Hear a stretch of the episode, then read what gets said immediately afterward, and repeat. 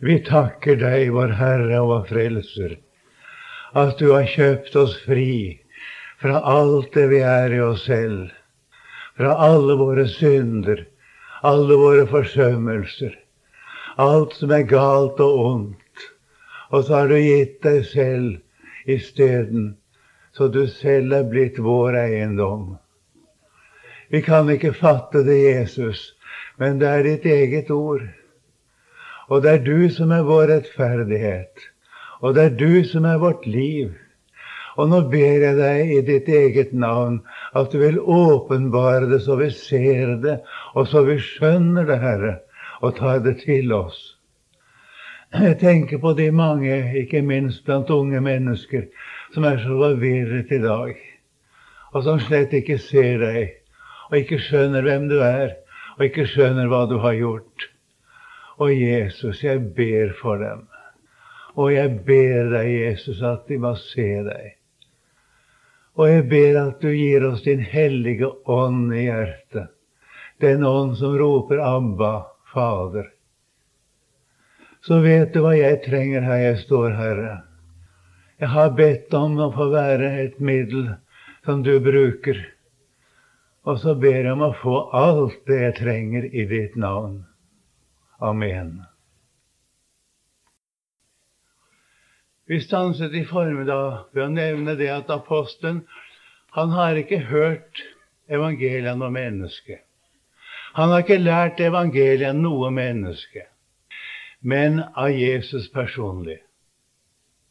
Og det er veldig viktig for oss å være klar over.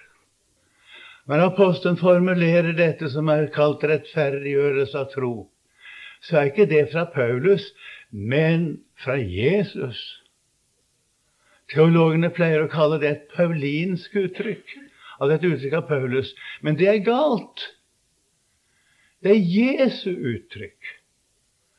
Og når Paulus har en klar lære om loven, at loven er gitt for å døde og fordømme oss mennesker, for at vi skal bli rettferdiggjort av tro, og det er veldig grunnleggende hos Paulus, både i Romerbrevet og i Galaterbrevet, så er ikke det en lære som kommer fra Paulus. Den kommer fra Jesus. Jeg har ikke hørt det. Jeg har ikke lært av noe menneske, sier han, men ved Jesu Kristi åpenbaring. Og han mener akkurat det han sier. Og så forteller han jo hvordan han egentlig var som jøde. Han var Jesu Kristi fiende nummer én. Han var mer nidkjær for jødedommen enn noen annen som vi kjenner fra den tid. Han forfulgte Guds menighet, og han ødela den. Og han var meget effektiv. Han gikk videre i jødedommen enn de fleste sine jevnaldrende. Han var mer nidkjær for sine fedrene lærdommer. Det var Paulus. Og så plutselig så møter han Jesus. Og det vi leser jo om i apostlenes gjerninger, særlig kapittel 9. Og det er total forandring. Jeg kan ikke komme inn på det som apostlenes gjerninger sier. Vi får holde oss til det han sier her. Det har sin grunn, dette som skjedde. Gud hadde utvalgt ham fra mors liv, sier han. Det er noe som ikke vi har forstand på. Men det forholder seg i virkeligheten akkurat slik. Gud hadde utvalgt ham fra mors liv, og da kalte han ham med sin egen nåde. Og det kallet møtte han da han møtte Jesus. Og så, så skjedde det. Apostelen, han tok imot budskapet, og Jesus ble åpenbart i ham. Han sier det på den måten at det behaget altså Gud å åpenbare sin sønn i meg, for at han skulle forkynne evangeliet var hedningene. Det skjedde. Og da dette var skjedd, så samrådde ikke Paulus seg med noe menneske om det budskapet han hadde fått. Han gjorde ikke det som er moderne i dag, sammenkalte alle slags instanser, og så hadde de en diskusjon om det som han hadde fått se. Å nei, han samrådde seg ikke med kjød og blod. Og han dro heller ikke opp til Jerusalem for å rådføre seg med dem som var apostler før ham. Men han dro straks bort til Arabia, og det er en ørken. Vi vet ikke noe om hans opphold der ellers. Vi vet han var der lenge. Og det er vel ikke uten grunn at det er blitt sagt at Jesus har møtt Paulus i den ørken.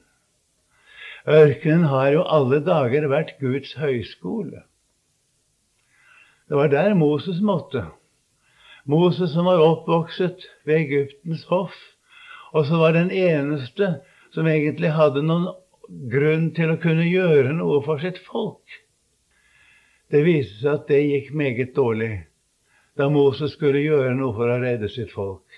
Og så måtte han flykte ut i ørkenen. Og så var han i ørkenen du i 40 år.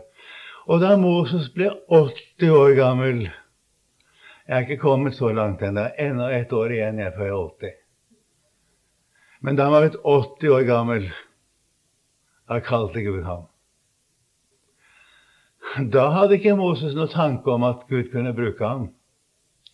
Og har du lagt merke til at når Gud riktig skal bruke et menneske, så gjør han det mennesket først ubrukelig.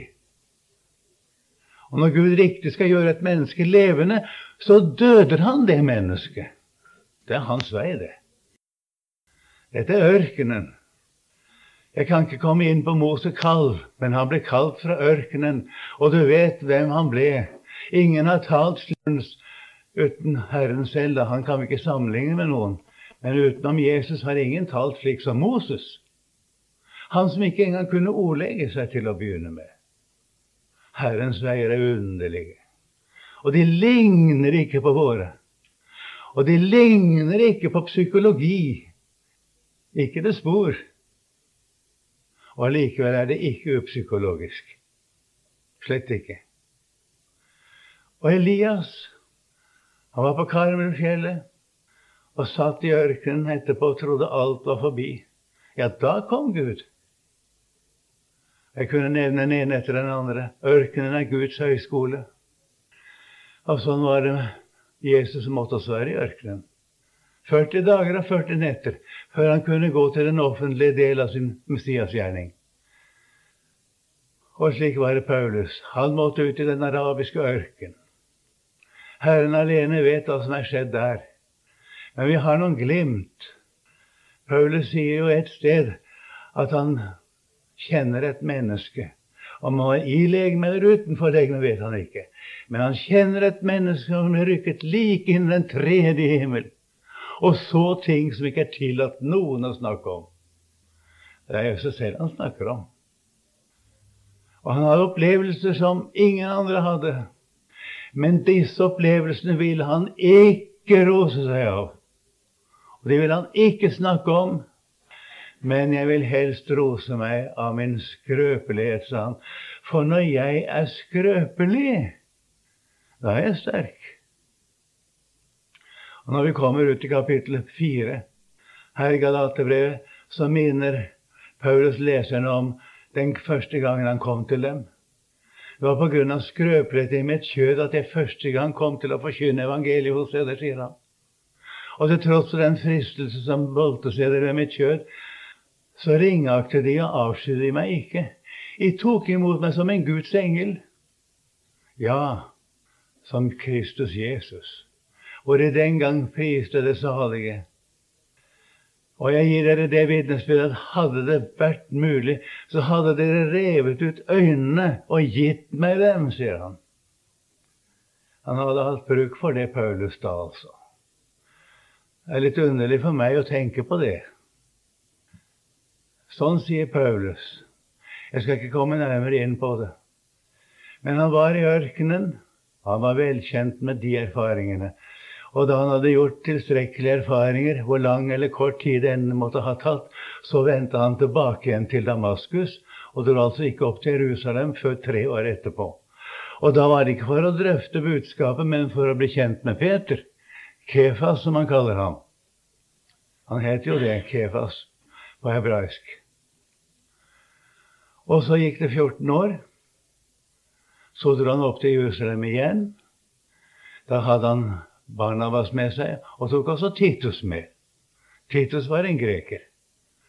Han dro opp etter en åpenbarelse. Og da først Da forela han dem som var der i Jerusalem, det evangelium som han forkynte for hedningene. Ikke før. Om han hadde løpt, eller, eller løp, eller hadde løpt forgjeves. Men ikke engang Titus, som var greker, ble tvunget til å la seg omskjære, sier han. Og det er underlig å høre hvordan han snakker om apostlene der. De som gjaldt mest, det er de som gjaldt for å være noe. Da tenker han særlig på Jakob, det var Herrens bror. Han var menighetsforstander for menigheten i Jerusalem. Jakob. Han er ikke identisk med apostelen Jakob, altså. Det er han ikke. Men er i høy grad et øyevitne. Han var kjent halvbror av Jesus. Han var Josefs og Marias sønn. Han var forstander av menigheten i Jerusalem og ble kalt for Jakob den rettferdige. Det er han som har skrevet Jakobs brev. Det var Jakob, og så var det Kefas, Peter, og så var det Johannes. De gjaldt for å være noe, altså. Hvor store de var, kan være meg det samme, sier Paulus. Gud gjør ikke forskjell på folk. Men de som gjaldt mest, de påla meg intet videre. Tvert imot, da de skjønte at det var Paulus betrodd å forkynne evangeliet for hedningene, for de uomskårne, liksom Peter for de omskårne.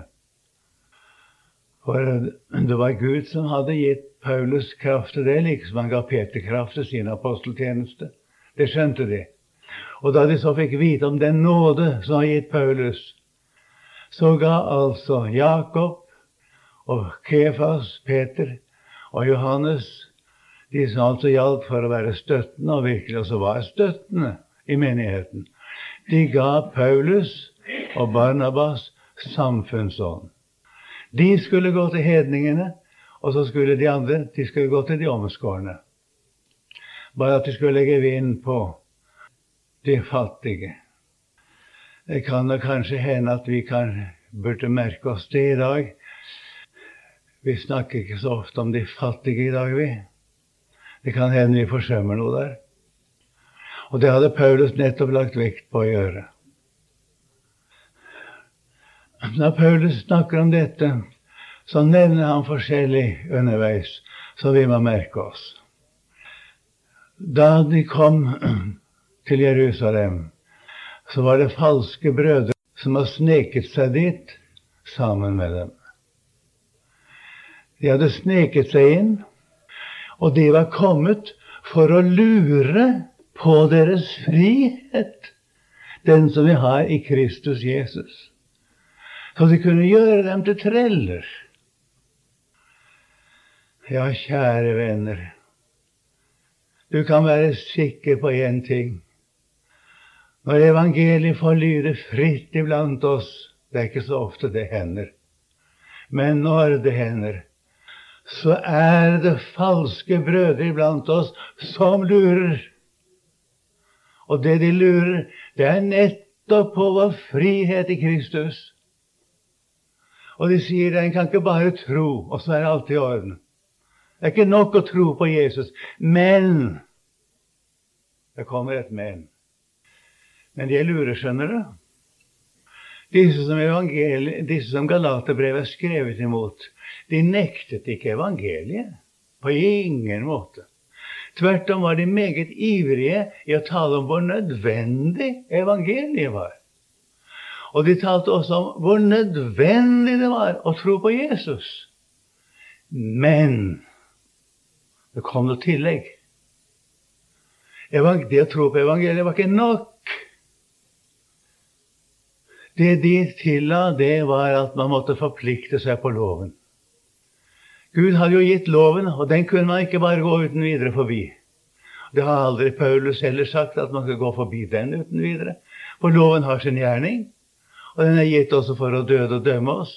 Og den har sin plass også etter vi har blitt kristne. Paulus taler jo mye om det. Og Paulus har aldri vært det man kaller antinomist, en motstander av loven. Det er langt fra tilfellet. Men de beskyldte Paulus for at han tok ikke loven alvorlig. Det gjorde han jo ikke. Man måtte være forpliktet på loven, men naturligvis måtte man jo først og fremst tro på Jesus. Har du hørt den talen? Jeg synes at Norge er full av den talen i dag. Jeg. Ikke akkurat i samme form som den var i Galatermenigheten, men selve saken er den samme. Man snakker om evangeliet. Man snakker om troen på Jesus. Og at Jesus har gitt oss til frelse. Men så føyer man til noe. Det er ikke hele saken, det å tro på Jesus. Men det må noe til. Kjære venner, her må vi være våkne. Her er det fare på ferde. Det skal ikke være noe tillegg til evangeliet til frelse. Det skal ikke være noen forpliktelse på loven i noen som helst henseende. Dermed vil ikke jeg ha sagt at loven ikke har det minste med en kristen å gjøre. Det skal jeg komme tilbake til senere. Det ville være galt å si det på den måten. Men vi er ikke forpliktet på loven i vårt gudsforhold. Kristus har kjøpt oss fri fra den. Og det kommer så klart i kapittel 3, hvordan Kristus kjøpte oss fri fra hele lovens forbannelse. Og det kommer vi tilbake til igjen, om Gud vil. Men det det gjelder å være klar over nå, er at det er alltid mennesker som sniker seg inn, og som lurer på dem som forkynner evangeliet, og som lurer på friheten i Kristus, og som prøver å gjøre mennesker til treller. For disse vek vi ikke et øyeblikk i eftergivenhet, sier apostelen. For at evangeliets sannhet skulle stå fast iblant dem. Hadde de gitt etter, så hadde de rokket ved evangeliets sannhet. Men det ville ikke Paulus være med på. Og det var han da ikke. Det var heller ikke de som var apostler før ham i Jerusalem. Var heller ikke med på det. Så ble det klart det kom til stykket at det Paulus forkynte, og ikke minst det han forkynte om forhold til loven, det var apostlene 100% enige i. Det var ingen forskjell på det de hadde forkynt før i Jerusalem, de som var apostler før ham, og det budskap som Paulus kom med. Han fikk broderhånd. Dette sier Gud så klart til oss, og at vi skal være klar over at Paulus er ikke kommet med noe nytt i forhold til de andre apostlene.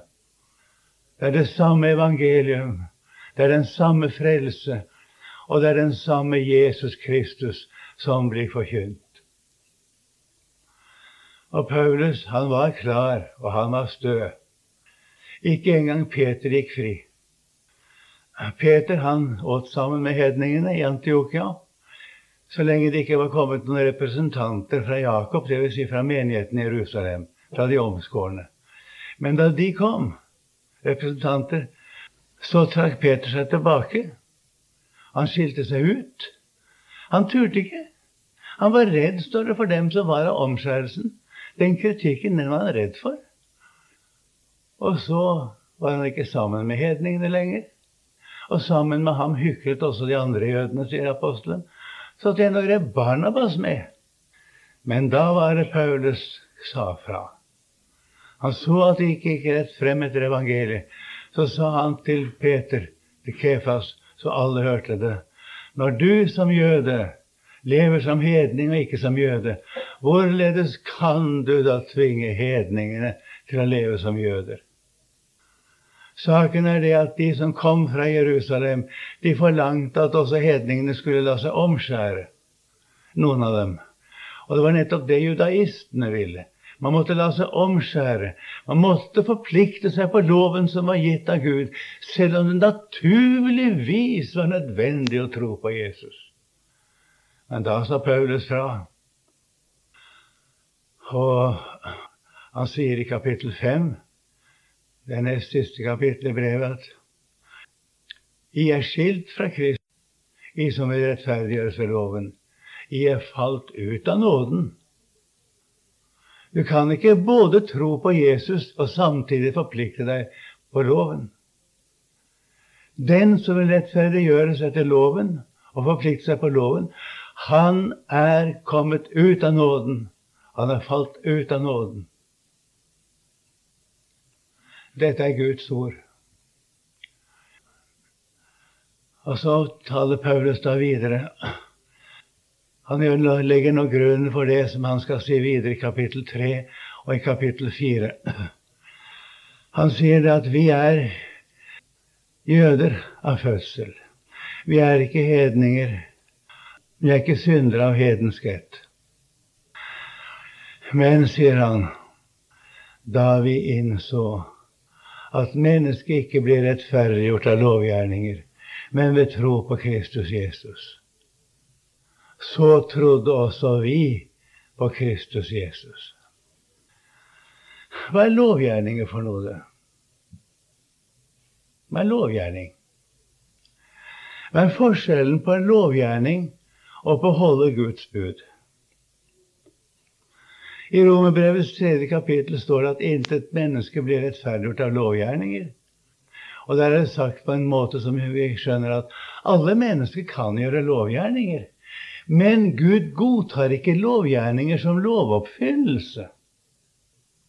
Hva er lovgjerning? Jo, det er at jeg gjør de gjerningene som loven krever. Så langt det står til meg. Om jeg tar det syvende bud du skal ikke stjele. Hvis jeg nå lar være å stjele, og det har jeg da forpliktet meg på hele mitt liv Og la oss si at det har lykkes, da, å la være å stjele. Har jeg da holdt det syvende bud? Ja, sier man i dag. Det er klart, det. Når det syvende bud sier du skal ikke stjele, og du har latt være å stjele, det er klart at du holdt det syvende bud.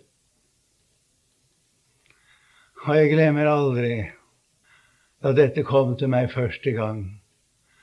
Og det var som Gud sto rett foran meg og spurte, med hvilket sinn har du latt være å stjele? Med hvilket sinn? Og det kan vi nevne med alle andre bud også. Med hvilket sinn har du gjort det som loven sier?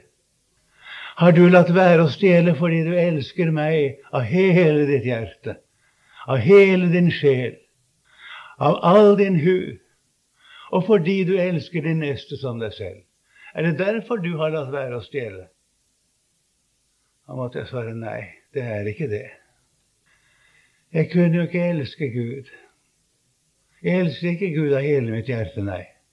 Jeg kunne ikke elske min neste som meg selv. Ja, det gikk opp for meg i forferdelig grad. Jeg kunne ikke engang elske meg selv i lovens mening av dette ord. For å elske seg selv er ikke det samme som egoisme. Alle mennesker synes å tro at oss selv kan vi da elske. Å nei, kjære venner, ikke før du er gjenfødt. Og bare med et gjenfødt sinn kan du elske deg selv. Der sto jeg. Jeg ville gjerne holde Guds bud. Jeg ville gjerne leve etter Guds vilje, som vi kalte det. Men jeg elsket ikke Gud. Og så var det som Gud sa meg, vel, for så vidt som du har latt være å stjele, så har du nok gjort den gjerning som det syvende bud taler om, men du har ikke holdt budet. For budet, det kan bare oppfylles med hjertet, det. Loven er åndelig, den forstår du. Den kan bare oppfylles med hjertet. Loven kan bare oppfylles av den som er syndfri. Loven forutsetter syndfrihet. Det ligger i budene du skal elske Herren din Gud av hele ditt hjerte. Det er ikke plass til den minste hemmelige tilbøyelighet til synd. Du skal elske de neste som deg selv. Det er loven. Og dette sies også i niende og tiende bud, i forbudet. Du skal ikke begjære, står det. Det vil si, du skal ikke ha lyst til synd. Du skal ikke ville synd, ikke ønske synd. Og selv om jeg lar være å synde, men jeg har lyst til synd, så har jeg jo syndet, da. Det er synd å ha lyst til synd, selv om jeg aldri setter den i verk. Og så står jeg der. Så ser jeg at både positivt i budet og negativt i forbudet krever Gud fullkommenhet og syndfrihet av oss mennesker. Det er loven. Dette har apostelen Paulus vist oss i romerbrevet. Og dette ligger bakom det han sier her om at en ikke blir rettferdiggjort av lovgjerninger. Det samme hva vi gjør, det kan ikke rettferdiggjøre oss. For ingen av oss holder mål for Gud etter hva vi er, eller hva vi kan gjøre. Derfor er det så fryktelig når mennesker sier det. Ja, ja, vi er ikke fullkomne. Vi får gjøre så godt vi kan. Og Gud kan da ikke kreve mer av oss enn det. Har du hørt slik tale? Og når vi gjør så godt vi kan, så vil vel Gud tilgi oss for resten? Nei, kjære venner, det gjør han ikke. Han tilgir ikke på det grunnlag. Gud går ikke på akkord med synd. Og Gud går ikke på akkord med løgn. Og sannheten om meg er at jeg er en løgner. Det er jeg i meg selv. La det stå fast at Gud er sannru, og hvert menneske er en løgner. Og det har jeg da sannelig fått se av meg selv. Jeg er ikke noe annet enn synd tvers igjennom enn da jeg har prøvd å leve et religiøst og fromt liv hele livet mitt. Men jeg er en synder, slik at jeg kan ikke snakke høyt om det. Slik ser jeg ut i Guds lys. Og dette er sannheten om meg. Det som mennesker kan se, er ikke sannheten. Men det som Gud ser, det er sannheten. Og det betyr jeg er fortapt. Jeg er et helt igjennom fortapt menneske. Og hva kan jeg da gjøre? Jeg kan jo gjøre hva jeg vil. Det er ikke noe som gjelder. Det er ikke håp for meg. Det er ikke redning for meg. Noe sted. Og så kommer han og sier ja, du får da gjøre så godt du kan langt ifra. Dessuten finnes det intet menneske som har gjort så godt han kan. Han mener har gjort det. Det mangler mye på det. Nå vet jeg ikke, jeg, kjære venner, har du fått se dette at du er fortapt? Jeg spør ikke hvor mye du har sett av deg selv, men har du fått se så mye at du vet at det er ikke håp for deg slik som du er? Har du sett det? Da har du sett nok. Og hvor mange unge det går i hemmelighet slik. De vet det. Det er ikke håp for meg. Jeg er slik at det er ikke egentlig håp for meg. Jeg tør ikke si det høyt. Bare si det, du. Jeg skal fortelle deg noe. Du passer godt sammen med Jesus. Du passer så inderlig godt sammen med Jesus. Han er kommet for å oppsøke og frelse det som er fortapt. Han er ikke kommet for å frelse mennesker som gjør så godt de kan. Det er forstemmende mange ganger å høre hva unge mennesker vitner i dag. Og jeg håper det at bakom disse vitnesbyrdene ligger det mer erkjennelse enn de gir uttrykk for. Vi har sagt ja til Jesus, sier de, og vi har stilt oss i hans tjeneste. Og så er det som om de sier at Jesus må jo være glad for det at de har stilt seg til hans tjeneste. Jesus må da vel være glad fordi han får lov å bruke dem. Jeg husker Tore Tungland sa i en tale på fjellet en gang det er ikke gildt å treffe slike, sa han. Nei, det er ikke gildt å treffe slike. Men det er mange av dem. De er et tvert igjennom usant gudsforhold. Når et menneske kommer til seg selv og begynner å innse hvem han er for noe, så ser han det. Intet kjød, intet menneske på jorden blir rettferdig for Gud ved noe han er i seg selv. Han blir ikke rettferdig ut av lovgjerninger. Og det kan vi godt si på den måten. Det er det samme som at jeg ikke blir rettferdig ut av noe jeg kan gjøre, eller noe jeg kan være selv. Det er ikke noen redning for meg der. Dette innså vi, sier apostelen. Da han traff Jesus, så fikk han se seg selv òg.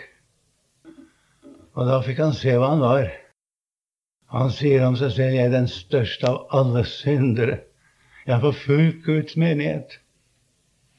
Denne fromme mannen som var så nidkjær på loven, han var den største av alle syndere. Er ikke bare det at han så det slik selv, men faktum er at han var det òg. Og slik ser vi det selv om oss selv. Jeg ser meg som den største og den verste av alle syndere. Da vi innså dette Det er så fort gjort å si det. Men bakom den setningen, da vi innså at et menneske ikke blir rettferdig fra lovgjerninger, der ligger det grunnleggende og veldige erfaringer. Vi blir rettferdiggjort av tro på Kristus Jesus. Jeg blir rettferdiggjort fordi det er én. Det er én Guds egen sønn som er menneske, som gikk i mitt sted. Guds egen sønn. Han ble behandlet som om han var jeg. Han ble behandlet som han var oss. Han som ikke visste av synd. Han ble gjort til synd for oss måtte ta alle konsekvenser. Og han seiret. Han seiret over djevelen, over helvete, over ondskapens ånde her. Han seiret ved sin egen gudsfrykt, han. Som det står i brevbrevet. Han ble bønnhørt for sin gudsfrykt da han ropte i sin nød. Han ble oppreist fra graven med Faderens herlighet. Og han seiret over synden han seiret over døden. Han seiret over verden, du. Og han seiret over vårt gamle menneske. Han seiret over meg.